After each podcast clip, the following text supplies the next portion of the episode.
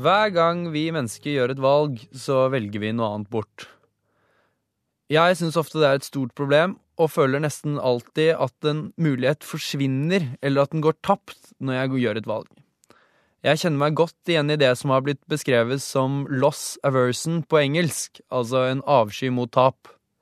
Nobelprisvinnerne i økonomi, Amos Tversky og Daniel Kahneman, har studert valg og det å ta avgjørelser i dybden, og de mener at når vi sammenligner det å tape og det å vinne noe av samme verdi, så føles gjerne tapet dobbelt så sterkt. Velkommen til Sommer i P2. Jeg heter Mats Ulu Stensrud. Jeg er 26 år, har en doktorgrad i hjerneforskning er fortsatt medisinstudent og har nettopp tatt en mastergrad i statistikk, og jeg synes ofte det er veldig vanskelig å velge ting bort. Og jeg er klar over at dette nok er et ilandsproblem, og at jeg burde oppleve det som et privilegium å ha så mange muligheter. Men likevel føles det ofte så vondt og sårt å velge ting bort. Og for å være helt ærlig, så påvirker det mange av avgjørelsene mine. For eksempel var det en grunn til at jeg begynte på medisin rett etter videregående, for da følte jeg at jeg slapp å velge så veldig mye bort. Studiet er jo en fin miks av menneskekontakt og grubling, realfag og samfunnsfag, og praksis og teori. Og så leder det mot et grunnleggende givende yrke. Jeg må si at det er fint å ha en fremtid foran meg hvor jeg vet at målet er direkte å hjelpe andre mennesker. Men som medisinstudent følte jeg likevel at jeg hadde gått glipp av noe ganske tidlig, og det var spesielt muligheten til å grave seg enda dypere ned i et felt. Så jeg begynte å forske på hjernen, som jeg pleier å si, kroppens mest sjarmerende organ. Og selv om jeg forsket på hjernen og drev med medisin og gjorde ting jeg likte, følte jeg fortsatt at noe manglet, og det var spesielt matematikk, som jeg ofte ser på som en kunst. Så jeg begynte å sysle med matematikk i tillegg til det andre. Og etter å ha fullført en bachelorgrad i Oslo, var jeg heldig å bli nominert til The Norway Oxford Scholarship for å studere ved Universitetet i Oxford. Og jeg må faktisk innrømme at selv da følte jeg at det var litt sårt og vanskelig å velge å reise bort og forlate alt jeg likte å holde på med i Oslo, for å ta en master i det som må være Englands mest interessante by. Men nå, i ettertid, er jeg veldig glad for at jeg dro, og i dag har jeg tenkt til å snakke litt om hvordan livet er ved universitetet i Oxford, det som er en av verdens mest prestisjefylte utdanningsinstitusjoner, og jeg må også si at det er en fordum storhet, der vi studenter må fortsatt ta eksamen i kappekledde dresser med hvit sløyfe, der middag inntas hver dag i Harry Potter-saler med high table og vinkjeller, og der byggene og omgivelsene rundt er så vakre at den britiske forfatteren Hilary Blair har sagt, og det er jeg helt enig med han i, at det er få fristelser i verden som er større enn å bli værende i Oxford resten av livet. Og innimellom jeg snakker om Oxford og hvordan livet er der, vil jeg vise dere og presentere fin musikk. Og jeg har også en ambisjon om å vise at man ikke nødvendigvis trenger å reise så innmari langt for å finne gode, originale låter. Derfor kommer jeg i hovedsak til å spille stykker fra Norge med stilige tekster på norsk. Men jeg kommer ikke unna noen britiske låter, og jeg vil starte med en vellykket blanding av Norge og England. Her er Todd Terje, eller Todd Turge som de kalte han i Oxford, sammen med Brian Ferry med Johnny and Mary. Jeg ble forfjamset da jeg gikk av flybussen på High Street og tråkket over brosteinen i Oxford for første gang, med en trillekoffert i hver hånd, bag på magen og en stor sekk på ryggen. Før jeg dro, så så jeg på England som grått, søvndyssende og litt skittent. Men det var noe med helheten som gjorde at jeg fikk en helt annen følelse nå, første dagen i Oxford. De skitne, slitne fabrikkene og husene fra min indre forestilling var i virkelighetens Oxford erstattet med interessante steinbygg, skulpturer og tårn med spir. Gatene var humpete og usymmetriske, men likevel fremsto de som ryddige og interessante. Jeg følte at det bruste av en gammel storhet. Og mens jeg gikk med et hevet blikk mot steinfigurene, merket jeg at damer i pene sommerkjoler og menn i lyse sommerdresser, begge kjønn med hatter, diskré ålte seg forbi meg inntil murveggene langs gatene, slik at jeg kunne drasse komfortabelt med meg bagasjen. De viste subtil, klassisk og britisk høflighet.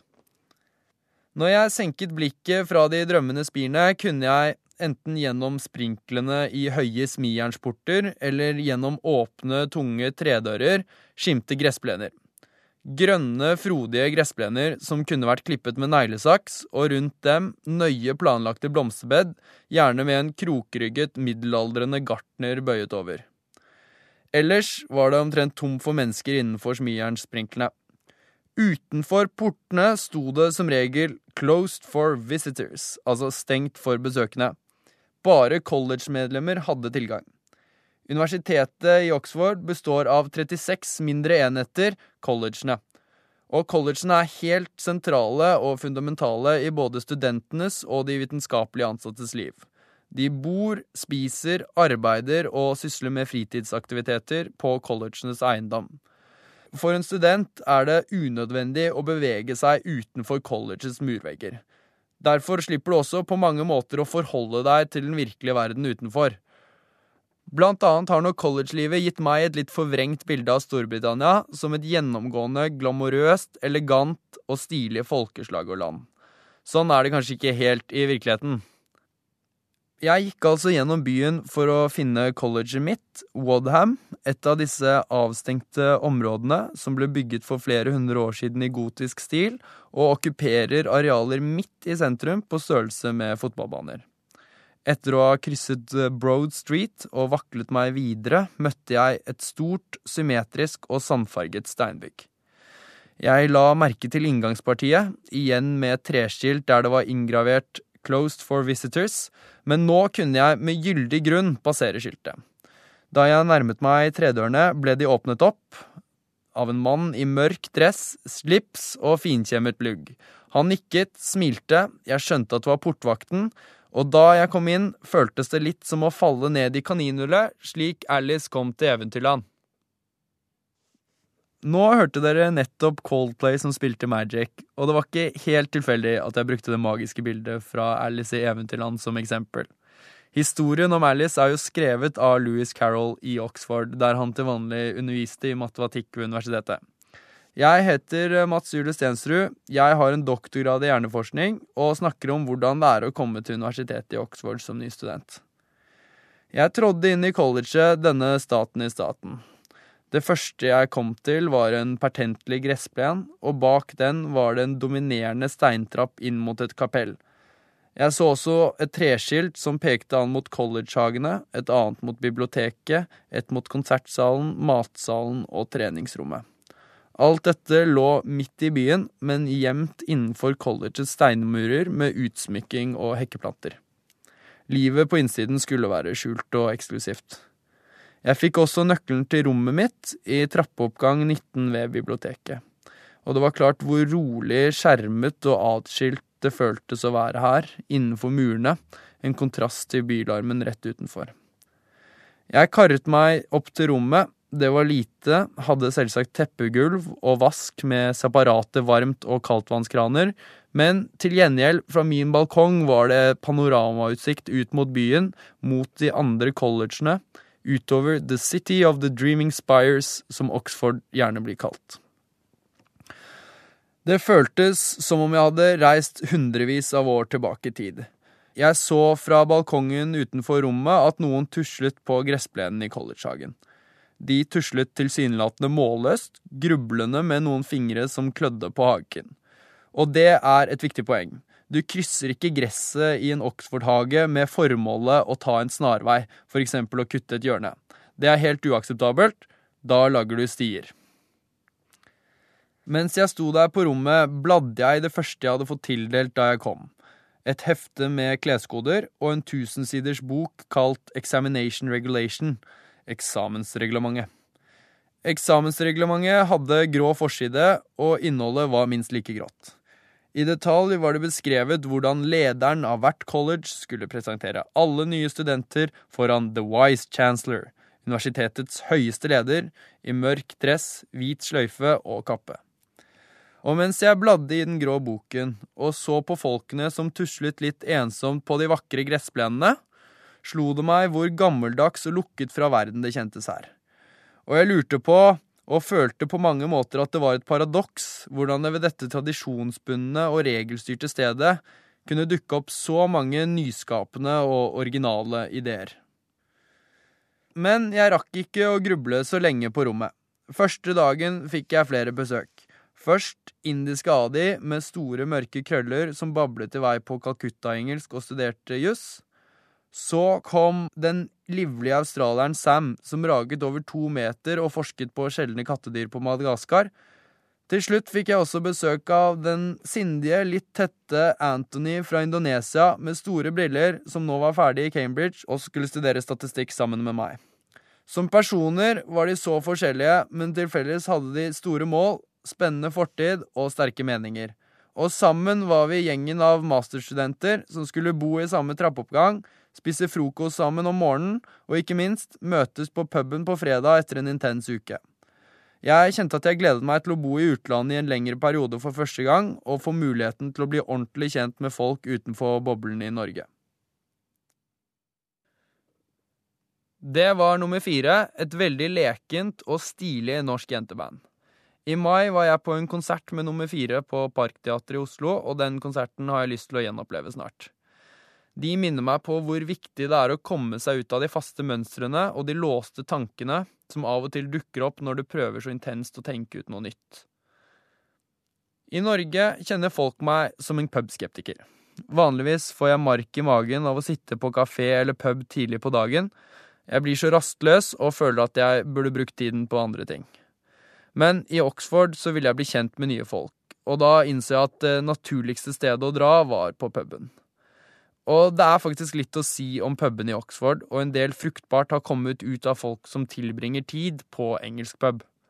Et godt eksempel er puben The Eagle and the Child, stamstedet til litteraturklubben The Inklings, som blant annet besto av Tolken, det var her han skrev Ringenes herre, og CS Lewis, det var her han skrev Narnia.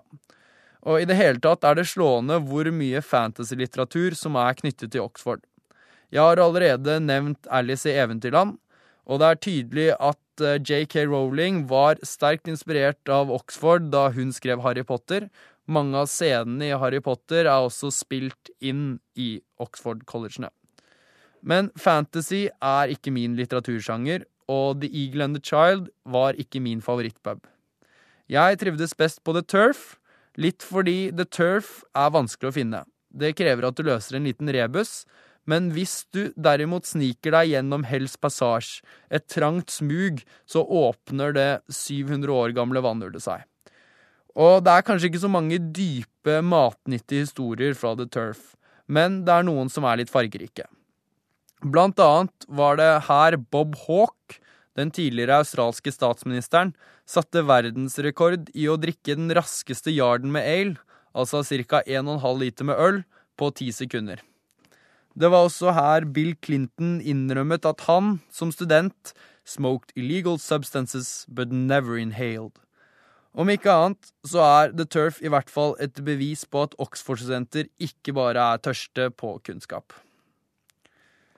Det er likevel ikke til å komme bort ifra at det meste av tida i livet er hverdag, også i Oxford, og hverdagen var preget av hardt arbeid. Og jeg må si at i Oxford arbeidet folk hardere enn hva jeg er vant til å se i Oslo. For oss var det vanlig at oppgaver ble delt ut på fredag ettermiddag, og de skulle leveres inn kvart på ti om morgenen på mandag. Derfor ble det få helgeturer for å oppleve resten av England og mange helligdager innerst i biblioteket. Noen, og jeg må si spesielt kineserne i klassen, la seg like godt til å sove midt på biblioteket. Etter innlevering fortsatte dessuten uka med første undervisningstime klokken ti, altså ett kvarter etter at oppgavene var sendt til vurdering. Men heldigvis gir også arbeidet resultater. Det hjelper å ha gode evner, og litt flaks er sikkert kjekt, men man kommer ingen vei uten å legge ned en innsats. Jeg tror sjelden at selvhjelpsbøker, trylleformler eller annet fiksfakseri kan hjelpe deg langt frem.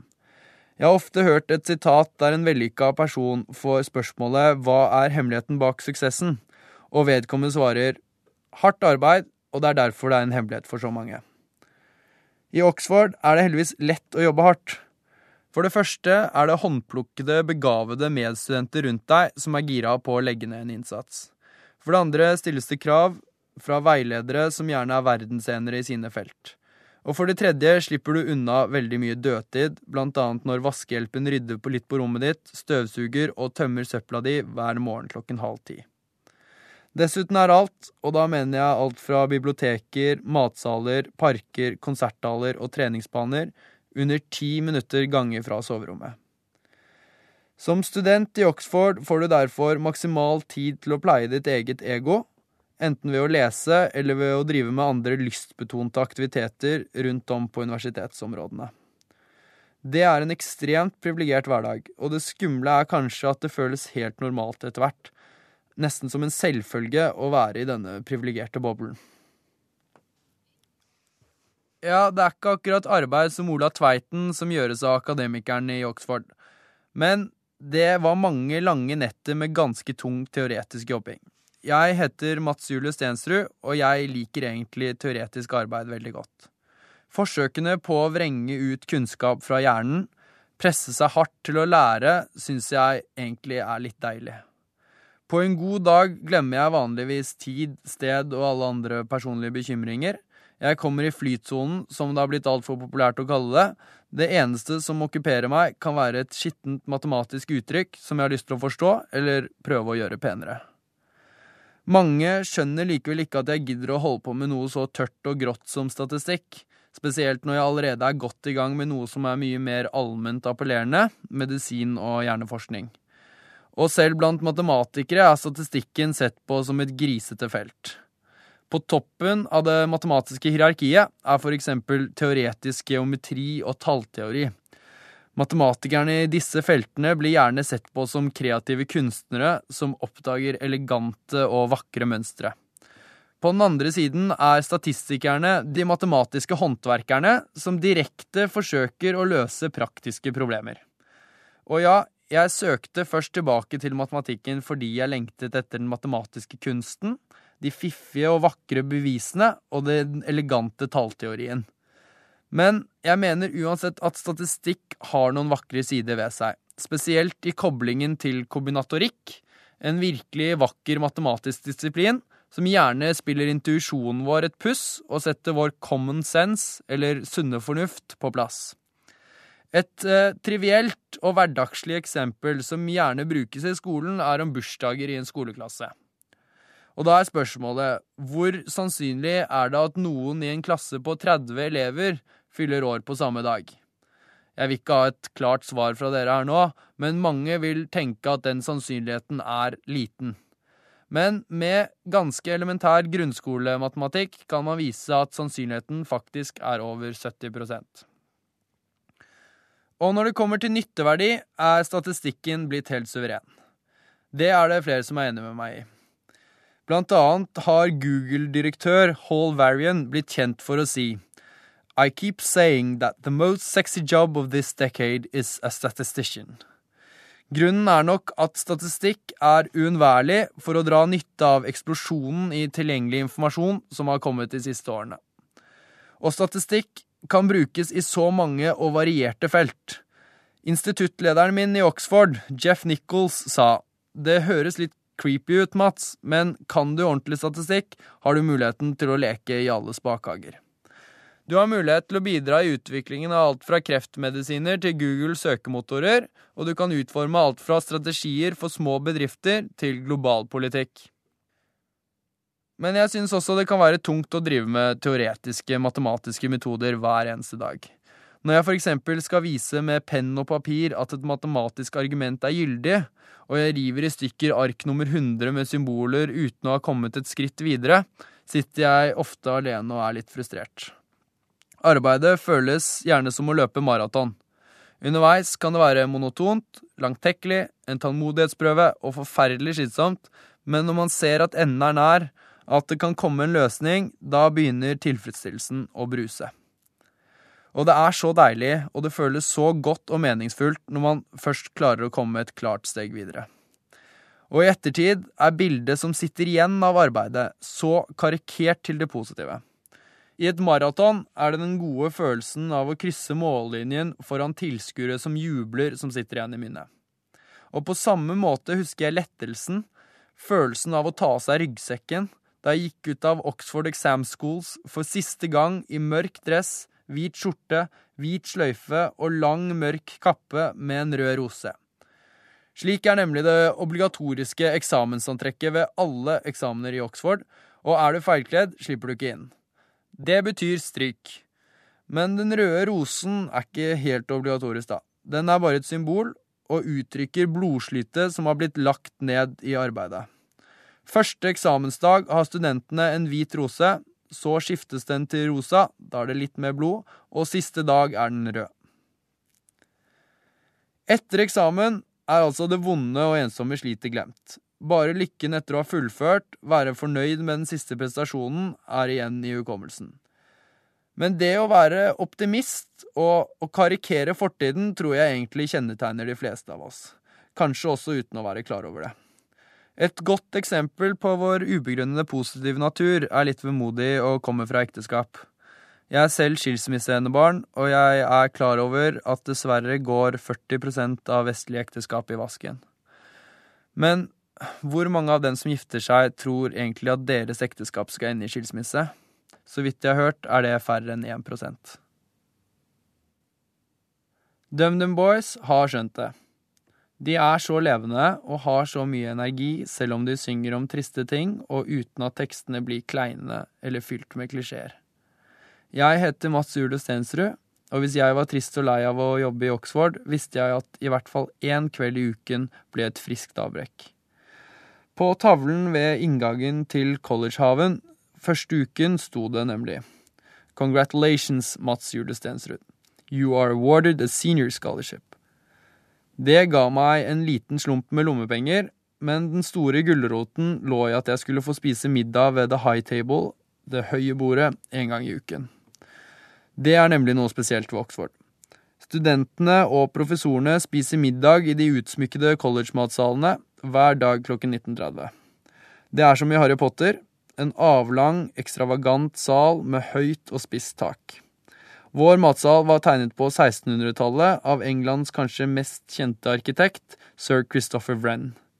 I salen er det et langbord som står på langs med trebenker, og på bordene er det dunkel belysning fra bordlampene med tunge skjermer. Innerst, hevet på et podium i salen, står et bord på tvers som stikker seg ut. Der er det stoler trukket i skinn med treskjæringer. Det er de høye spor. Hver dag, fem minutter etter at studentene har satt seg ved de vanlige langbordene, trår en samlet gruppe, ført an av colleges warden, lederen, inn i salen. Den høylytte praten blant de 200 vanlige studentene i matsalen senker seg. Så kommer en gruppe inn, alle menn med mørk kappe, dress og slips, og kvinner i kjole med mørk kappe og høye sko. Som senior scholarship hadde jeg tilgang til The High Table en gang i uken, og trasket derfor opp med følge, alltid med et glass musserende i høyrehånden. Fremme ved The High Table står hovedbøtteren klar og åpner nye flasker med vin. Warden lord MacDonald går bort til enden og setter seg, og vi andre følger adlydende etterpå. Og mens vi sitter her oppe, på utstilling og til anskuelse av resten av salen, får vi servert noen utrolige middager. Engelsk mat får vanligvis ikke munnen min til å renne, men ved The High Table er den nydelig. Mens resten av flokken får sin toretters nede i salen, begynner vi på fireretteren. Hovedbutleren, hans navn er Konstantin, fortsetter å skjenke vin i glassene fra Oxfords rikeste vinkjeller. Colleget vårt har viner til en verdi på rundt fem millioner kroner. Så blir alle sittende ved bordet. Ingen kan reise seg før warden MacDonald sier benedicto benedicator, latin med en klar engelsk aksent, som jeg tror betyr velsign de velsignede, og besetningen reiser seg opp og klatrer steintrappen til collegetårnet. I toppen av tårnet, i The Old Library, der venter portvinen, gjerne fra 1977, som er et utmerket portvinsår, og ved siden av serveres dessert nummer to, alltid frisk frukt og sjokoladekonfekt. Samtidig byttes bordplasseringen. Hovedbutleren er med opp i Old Library, og han har hendene på ryggen og passer på at alt går som det skal. Det høres kanskje litt rart ut, men etter hvert så ble jeg vant til disse forholdene. Men før jeg ble vant til å ha det slik en gang i uken, tenkte jeg mye på janteloven og på det likestilte Norge da jeg trasket opp mot the high table. Jeg kjente på en blandet følelse av ubehag og stormannsgalskap, samtidig som jeg gledet meg til å nyte et fortreffelig selskap. Blant resten av flokken, som bare fikk sin toretters, var det faktisk få som rynket på nesen over the high table-tradisjonene. De tok det som en selvfølge at det var slik, at det var synlige forskjeller. Idealet om en flat struktur med minst mulig hierarki var på ingen måte like prominent i Oxford som i min norske ryggrad. Jeg måtte bare spille Hjernen er alene. Sangen er en gjenganger i hjerneforskningslaben som jeg tilhører i Norge, og den er et treffende bilde på hvordan det er å være ung, engstelig og utilpass. Jeg tenker ofte på sangen når jeg sitter med statistikk eller kjemiske forsøk, og ting går skikkelig skeis. Da føler jeg meg ofte fortvilet og ensom. Etter en lang middag ved The High Table var det deilig å røre på seg morgenen etter. For meg betydde det vanligvis tennis. Jeg elsker sporten, Spillet er så gjennomført vakkert og så fylt av pene detaljer. For eksempel presisjonen som kreves for å styre en ball som kommer imot i mer enn 100 km i timen, og fysikken som er nødvendig for å kjempe etter baller i timevis, den mentale styrken som trengs for å forstå og utfordre motstanderen i hvert poeng, og kaldheten for å velge det riktige taktiske slaget. Når jeg selv står på tennisbanen, blir jeg nervøs og konsentrert på en helt spesiell måte. Helt forskjellig fra prestasjonsangsten ved for eksempel eksamen. Jeg takler nok eksamenspresset bedre, men på banen klarer jeg i hvert fall å frigjøre meg fra de vanlige tankene og bekymringene som suser rundt i hodet. Selv har jeg aldri vært et stort tennistalent, men jeg er et arbeidsprodukt, jeg har lagt ned et enormt antall timer, og i likhet med David Foster Wallace forfatteren som også elsker tennis, føler jeg at jeg er god nok til å forstå hvor vakkert spillet er. Og i Oxford fikk jeg spille for tennislaget The Blues, og det ble en livsstil. Med morgentreninger halv syv, helgekamper og utkledningsfester omtrent hver onsdag. Og det er noe ekstra spesielt med å spille tennis i Oxford. Vi spiller på gress, det tradisjonelle underlaget som nesten er utryddet fordi det er så upraktisk og krever så mye omstendelig stell. Men i Oxford stelte gartnerne tålmodig banene hver dag hele året. På gresset er tennisen på sitt mest elegante. Spillet er raskt, mykt, og det finnes ikke rom for å være klumsete. Og tennisens eleganse minner meg om alt det andre som er så pent og vakkert ved Oxford de dype teoretiske tankene, stilen, bygningene og viktigst av alt, menneskene som samles der. Jeg har vanskelig for å tro at det finnes et bedre sted for ivrige studenter enn Oxford. Og selv om Oslo fortsatt er byen nærmest mitt hjerte, med norske holdninger, marka, fjorden, kjæreste, venner og familie, så føler jeg en klar trang til å dra tilbake.